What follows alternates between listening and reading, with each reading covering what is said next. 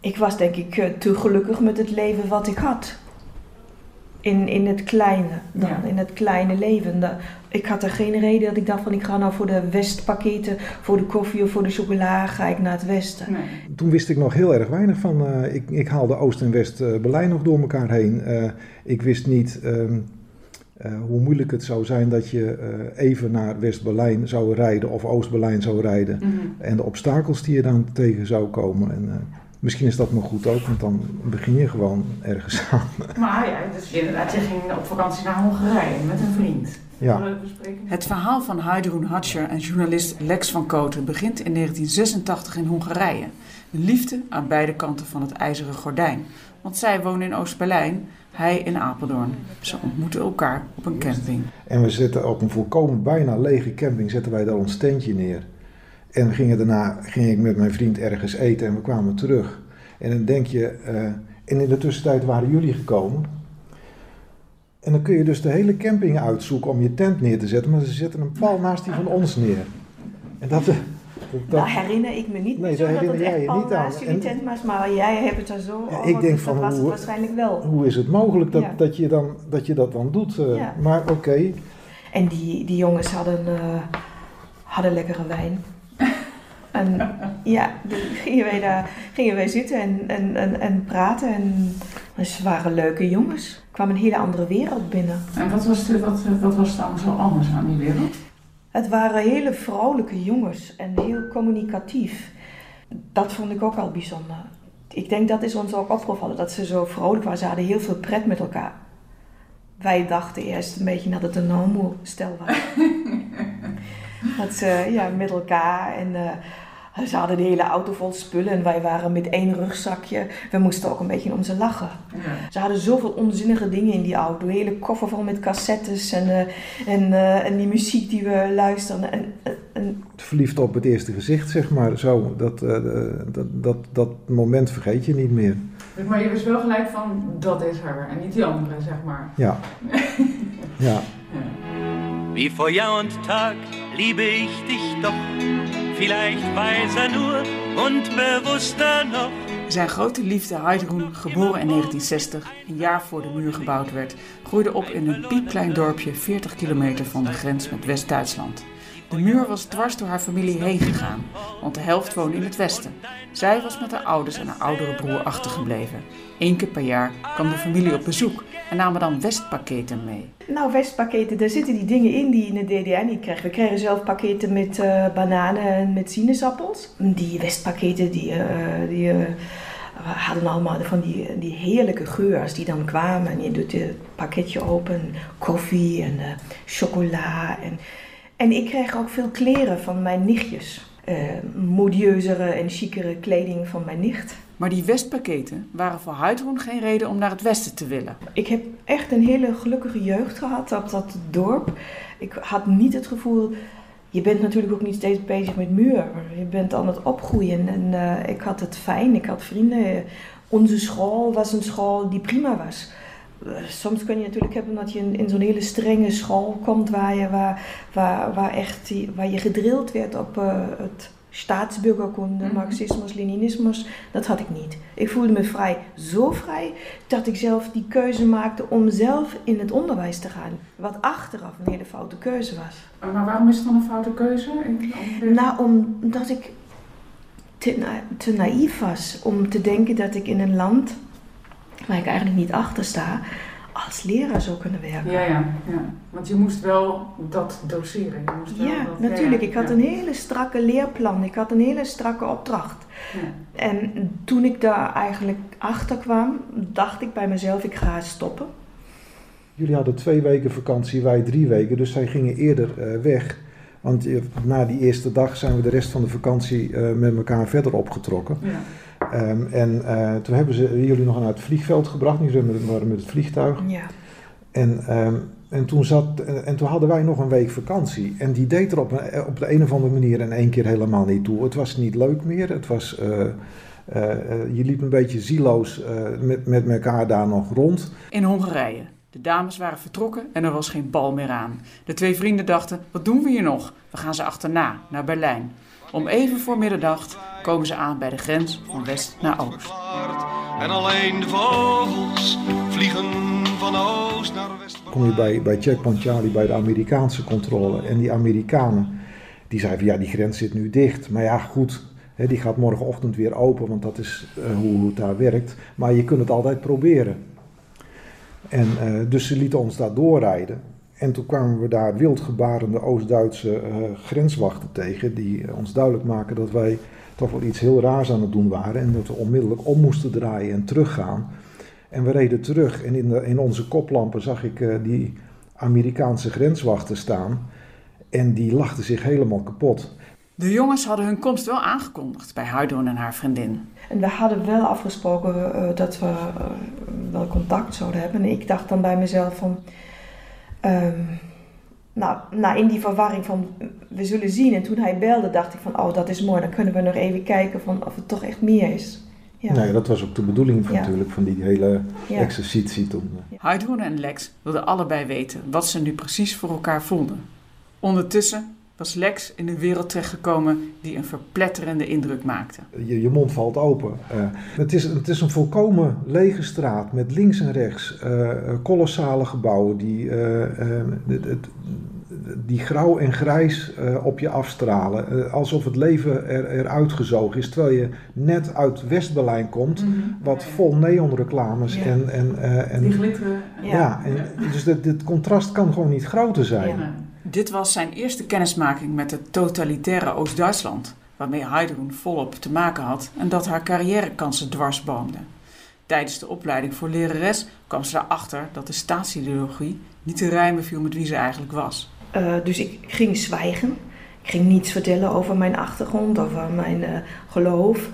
Uh, en je kon heel makkelijk al die dingetjes die ze van jou willen horen ratelen. Maar ik werd al opgevoed met het idee van uh, vertel dat niet zomaar aan iedereen. Dat was al vrij duidelijk. Ja. Je wist heel goed waar je het kon zeggen en waar niet. Ze nam ontslag. Um, dat doet eigenlijk niemand. Nee. Geen enkele leraar doet dat. Nee. Want je, je, ze houden, ze, ze, ze geven je geen ander werk. Maar daar had ze zelf al voor gezorgd. Ze kon aan de slag bij Caritas, een hulporganisatie voor kinderen in Berlijn. En daar kwam ze terecht bij gelijkgestemden in haar eigen bubbel, die bijzonder goed in de gaten werd gehouden door de Stasi, de geheime dienst, met behulp van onder andere infiltranten. Ik kan, kan, kan niet aanwijzen, dit was een uh, spitsel of die was een spitsel, maar wij wisten het. Wij wisten dat er altijd mensen zijn die, uh, die open oren hebben en die melding maken van wat, ze, wat daar gebeurt. Die, ze wilden natuurlijk overal controle over hebben. Ze wilden weten, is er ergens gevaar? Formeert zich daar een groep die... Uh, um, in opstand kon. Ja,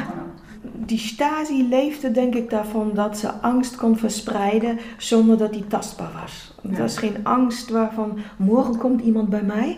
Die angst was van algie, zo, zo overal dat je denkt van ja, wie, wie, wie zegt er nou eigenlijk wat? En, en wat, voor welk klein dingetje kan ik, uh, kan ik problemen krijgen? Maar goed, ik reed via die, die, die Karl Marx alleen naar de vriendin van, van Heidroen uh, toe. En, en ze deden de deur open. Toen wist ik het gewoon van ja, dit is toch, toch, we moeten toch iets samen verder in het leven gaan, gaan Wat doen. jij dat ook? Ja. ja. Wie vor Jahr und Tag ist noch immer fort. Das Glück und dein Name, dasselbe Wort. De dag was te kort, maar om 12 uur s'nachts moesten Lex en zijn vriend toch echt weer terug naar West-Berlijn. Want langer mochten ze op hun dagvisum niet blijven. Heidroen sprong bij zijn auto en wees de weg. Daar naar rechts, hier naar links. En ik denk ongeveer op de Friedrichstraße. Halverwege. Kort voor de, voor de grensovergang. Uh, maar ver genoeg weg zodat ze het niet konden zien. Want het was natuurlijk een doodzonde om ja. een, een Oost-Berlijner in je auto mee te nemen naar de grens. Dat, uh, daar konden niet meer alarmknoppen aangaan dan als je dat deed. Ja. Um, dus uh, toen, heb, en toen is hij toen daar uitgestapt mm-hmm. en uh, zieloos alleen naar huis uh, gegaan. Ja, gewoon naar de, ja, naar de metro. En wij reden door naar de grens. Ik weet nog dat ik op het werk kwam en, uh, en dat vertelde en iedereen zo van, nou, jeetje, wat een verhaal, ja. Wat ga je nou doen? Ja. Ja. En dan dacht ik, ja, dan, dan hebben we voor het eerst heb ik meteen, ik geloof dat ik de volgende dag meteen een visum aangevraagd heb. Maar ja, je wist natuurlijk niet wat er ging gebeuren. Ze hadden de, ze, en dan bedoel ik de, de geheime dienst, had de macht om mij geen visum te geven, mijn telefoontjes te onderscheppen en vervolgens uh, de brieven tegen te houden. En dan was gewoon alles voorbij geweest. En ze had vrienden die, uh, die tegen het verzet aan zaten. Dus een, een, vriend die een, vlucht, een vluchtpoging had ondernomen. Ze zat in de katholieke kerk.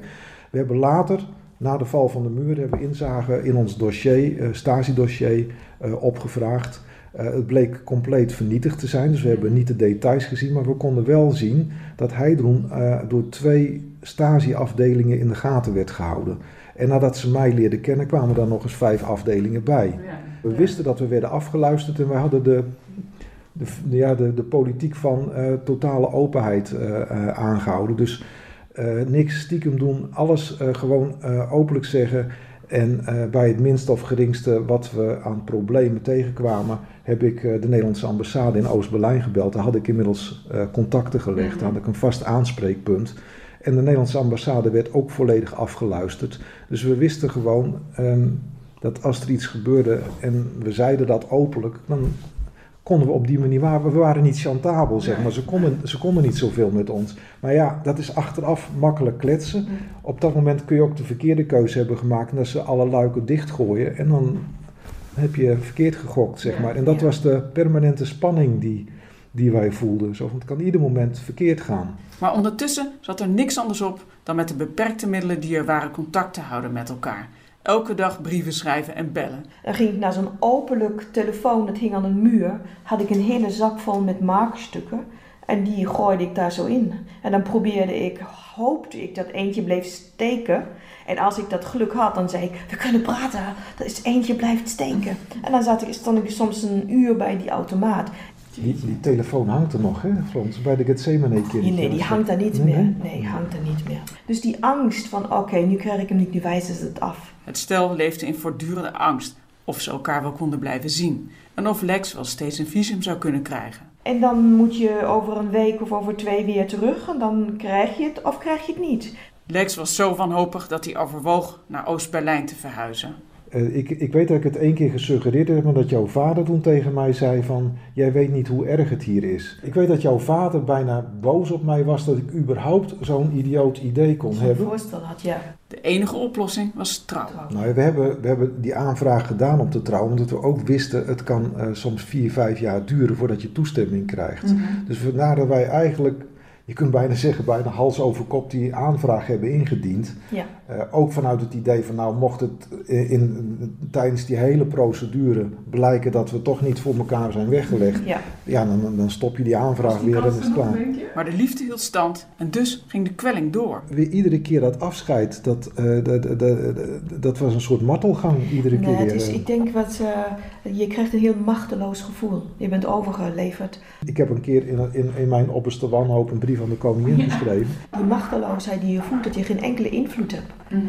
en, en, en stel voor dat, dan kun je niks. Je kan niks. Ik zit hier, hij zit daar. Ja, want het is, uh, nou, de zweet staat nu weer in mijn handen hoor. Als, ik het nu, als we nu het er weer over hebben, dan voel je gewoon weer... Die, uh, uh, die stress, ook ja. die uh, spanning. En ik weet nog dat... Toen kwam het vage antwoord van een ambtenaar, waaruit ze kon opmaken dat het rond was. En toen wist ik, we hebben toestemming.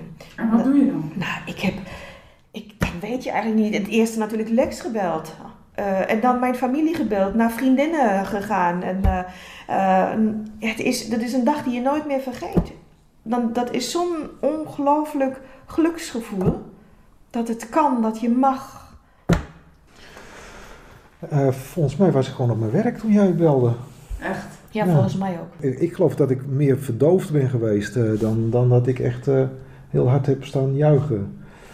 Je gelooft het eigenlijk bijna niet zo. Ja. Nee, ja, nee dat is, het is zo raar. Het, is, het ene moment is er nog niks en het volgende moment staan alle, alle sluizen in één keer open, zeg maar. Dat, dat is het gekke ja. gevoel. En dat ik je voelde hebt, me uh, echt, nou zoals hij dat wel eens noemt, dat je het van de daken kan schreeuwen. Hè? Ja. Ik liep door Berlijn en ik dacht, ze moeten het anders zien. Ik, ben zo, ik had de, de, neiging om te zeggen, ik heb toestemming gekregen, ik kan, ik kan trouwen, we, we kunnen gaan, het is gelukt. Ze trouwden twee keer. Eén keer met al hun vrienden en één keer voor de staat, met z'n tweetjes. Ja, je moet je voorstellen, in, zit je in die enorme zaal met de, die vrouw van de burgerlijke stand.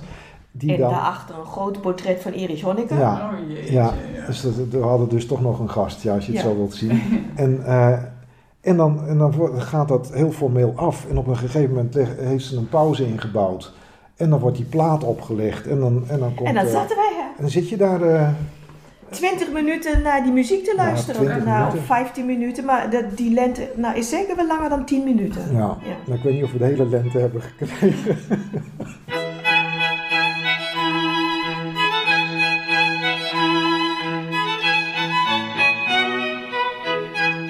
Het huwelijk met de vrienden en familie was vooral voor Heidrun best wel dubbel. Nou, iedereen weet natuurlijk dat is het moment van grote blijdschap. Wij gaan trouwen. Maar sommige vrienden zie je voor het laatst. Ja? Ja, want als ik wegga, dan ga ik weg. Ja. Nou ja, maar dat gaat tot op de dag van vandaag door natuurlijk. Hè. Dat, niet dat verdriet tot op de dag van vandaag, zeker niet na de val van de muur. Ehm, maar eh, wel, je moet je voorstellen, het is nog steeds zo dat haar ouders nog steeds 600, 700 kilometer van haar weg wonen. Ehm, de- de- ze heeft gewoon haar leven daar voor mij opgegeven om, om hier iets nieuws te bouwen. Ik ben blij dat ze het gedaan Mhm. heeft. Na de trouwerij kwam de verhuizing, die toch ook binnen vier weken moest plaatsvinden. Anders zou misschien de hele procedure weer opnieuw moeten. Het is 1 november 1987. De dag van vertrek brak aan. Lex was inmiddels failliet van alle reizen en visa voor Oost-Berlijn en moest een oud busje lenen van een vriend. Volgepakt met Heidroens hele leven. Ja, een waardeloze auto.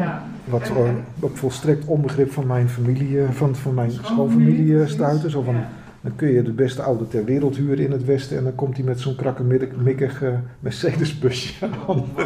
Maar al dat gedoe met die accu heeft ervoor gezorgd dat, dat je vooral bezig was dat het busje rijdt. En, en, en, en dat heeft een beetje de pijn weggenomen. Mijn ouders, ik begrijp dat nu allemaal wel al, want ik heb nu zelf kinderen. Mhm. Hoe moeilijk dat is, uh, moet geweest zijn voor hun. Om, om mij, ja, om mij te zien gaan. Uh, echt te laten verdwijnen achter dat gordijn, achter, dat, uh, achter die muur. En, maar ik was daarmee bezig als dat busje maar rijdt, als dat busje maar rijdt. Uh, kijk, een diesel, als die eenmaal draait, dan draait hij. Mm -hmm. um, dus ik, we werden op een gegeven moment werden we een, een controle, de laatste controlesluis inge, ingestuurd. En dan zit voor je het hek dicht, dan gaat achter je het hek dicht. En dan zegt die, uh, die grensbeambte, die zegt van, en, uh, en nu moet de motor uit. En toen zeg ik tegen hem van, ja, maar we hebben een accuprobleem, mag ik de motor laten draaien? Ja, daar reageerde die niet eens op. Het is gewoon uh, motor uit, uitstappen, de deuren van de bus open doen en twee, en twee stappen naar, naar achteren zetten. en, dan, en dan werd die bus gewoon helemaal gecontroleerd. Um, en, en, maar de, de controle was verrassend kort, dat, dat moet ik eerlijk zeggen. en dan gaat dan voor gaat dan het hek open en dan krijg je je spullen terug en dan mag je rijden. Ja, en dan moet die bus weer starten. Nou ja, dat, was, dat is, dat is zo'n moment dat vergeet je niet meer. Want en je, hij startte? Want hij startte, ja. Maar je, echt, je staat met trillende vingers aan het contactsleuteltje. Uh, ik weet dat jij ook nog op een gegeven moment zei van uh, vaar, vaar, hè, rijden, rijden. Achteraf begrijpen ze eigenlijk nog steeds niet hoe het ze gelukt is. Want de DDR was bijzonder vreed voor mensen die weg wilden. De muur en het schietbevel waren er niet voor niks. Uh, dus er gebeurden gebeurde wel vrij extreme dingen. En ehm, ja, ik, ik heb nog steeds niet, hoewel ik later een keer onderzoek heb gedaan om erachter te halen van waar komt ons geluk nou zo vandaan, heb ik daar nooit, nooit echt antwoord op. Het is gewoon, je moet je realiseren, ik heb gewoon geluk gehad, vind ik. Ja. Dat, dat, er, dat er verder geen dingen gebeurd zijn waardoor je echt in die angst komt. Mm -hmm. ja. Dus maar toen kwam je aan in Apeldoorn bij Lex Huis. Mm -hmm. Jullie zijn gewoon meteen doorgereden. Ja, ja nee, dus, en dan had ik uh, wat, wat, uh, wat, wat familie en vrienden georganiseerd die, uh, die zouden helpen uitpakken. En toen wilde ik, ik weet nog dat ik die bus terug wilde rijden. Nou, en, die deed het dus niet nee. meer. Oh, dus die heeft het echt, het was gewoon de laatste keer zo ongeveer mm. geweest. ja. We hebben echt geluk gehad gewoon. Mm. Ja. ja. Voor Heidroen was Apeldoorn een enorme teleurstelling. Dit had ze niet verwacht. Dus is er maar, is er maar, ze zei, is er maar één bioscoop? Vind ik nu niet meer zo hoor. Is er maar één bioscoop, is er maar één theater, zei Ja, nee, ik had me proberen voor te stellen, 150.000 inwoners. Ik dacht echt stad, stad. Maar het was geen stad. En uh, zeker niet als je uit Berlijn komt. En jij komt in, in onze supermarkt en er staan er, ik weet niet hoeveel soorten, maar leg maar eens uit wat het verschil is tussen Ariel, Dash of uh, noem, noem, maar op. Uh, dus uh, die kwam uiteindelijk terug met niks. En die had de tranen in de ogen. Zo van, dan sta ik voor dat schap en dan zie ik wasmiddel, wasmiddel, wasmiddel, wasmiddel. En ik weet niet welke beter is en welke ik moet hebben. Die in de DDR hadden wij niets, maar we hadden allemaal niets. We hadden geen telefoon, we hadden geen auto. Ik had uh, uh, geen uh, fantastische spijkerbroeken. En die roodwijn was niet te drinken. Nu had ze de liefde van haar leven, volle supermarkten, maar geen baan. En nog geen vrienden. De opstart in Apeldoorn viel Heidrun zwaar. In die tijd werden hun twee dochters geboren. Toen we teruggingen naar, de, naar mijn ouders, geloof ik, dan moet, je, dan moet je ook invullen al die papieren. Ik moest ik moet voor mij ook een papier invullen. Bij de en dan, ja, dan staat daar beroep. En dan zei ik, ja, wat moet ik in, uh, opschrijven? Ik werk nu niet. Schreef die huisvrouw op. ik dacht dat ik door de grond ging. Ja. En toen was het 9 november 1989. De dag dat de muur viel. Maar dat de grens open ging, echt van het ene op het andere moment, had ik niet verwacht. Daarom ben ik ook weggegaan die avond. Want ik was, ik was bij een boetsierclubje, geloof ik. En Lex zat voor de, voor de televisie met onze dochter. Nou, die was nog klein. En, en toen ik terugkwam, zei hij, de muur is gevallen. Nou ja, dat was ongelooflijk. En toen die televisie liep natuurlijk en ik kon het niet geloven. Ik kon het gewoon niet geloven. Als de muur twee jaar eerder gevallen was, had het veel spanning gescheeld. Maar interessanter nog, wat zouden ze gedaan hebben? Stel voor dat de muur al eerder was, waren we dan in Nederland beland of waren we dan... Waarschijnlijk waren we in Berlijn. Waarschijnlijk Nee, ja, waren we in Berlijn. Berlijn was gewoon Heidroens stad en dat is het eigenlijk nog steeds. Maar als je zou moeten zeggen, wat is er nog over van de DDR in jou? Je gaat nog steeds niet graag naar grote supermarkten. Ja, nou, dat, kun je, dat, dat kun je zeggen, dat, dat het is. Maar ook dat vrije. Je denkt altijd van, nou vrij, nou ga je de hele wereld rondreizen. Je hebt niets houdt je tegen. Ik denk dat ik nog heel behoudend ben. En helemaal niet zo van die grote wereld en de, alle landen wil zien. Ik, Inmiddels zijn ze al 32 jaar samen. we zijn gewoon heel gelukkig samen. We voegen eh, veel toe. Ik ben veel losser, veel grappiger geworden door Lex. Want dat is natuurlijk, ik, ik heb nog zo gedacht, wat vond ik nou zo leuk aan die Nederlanders? Ze waren anders dan die Duitse jongens die in de DDR, die kan zo, zo vrolijker, zo, eh, zo eh, ja, ondeugend. En wat, dat, dat, wat, dat kende ik niet. Niet zo serieus. Ik denk dat ik in de kern, in de DDR, een heel serieus meisje was. Ook, eh, ook altijd eh, serieuze onderwerpen aansprak. En dat ik in het begin in Nederland heel veel heel moeilijk vond om, om, om over koetjes en kalfjes te praten. Ik weet nog als we naar feesten gingen, oh, die familiefeesten, dat alle mensen er waren en in de kring zaten. En ik heel stil zat en dacht van, ja, waar moet ik het over hebben? Dat, maar dat heb ik allemaal geleerd. Kan ik nou heel goed. ja, Over koetjes en kalfjes. over koetjes en kalfjes praten, ja. ja.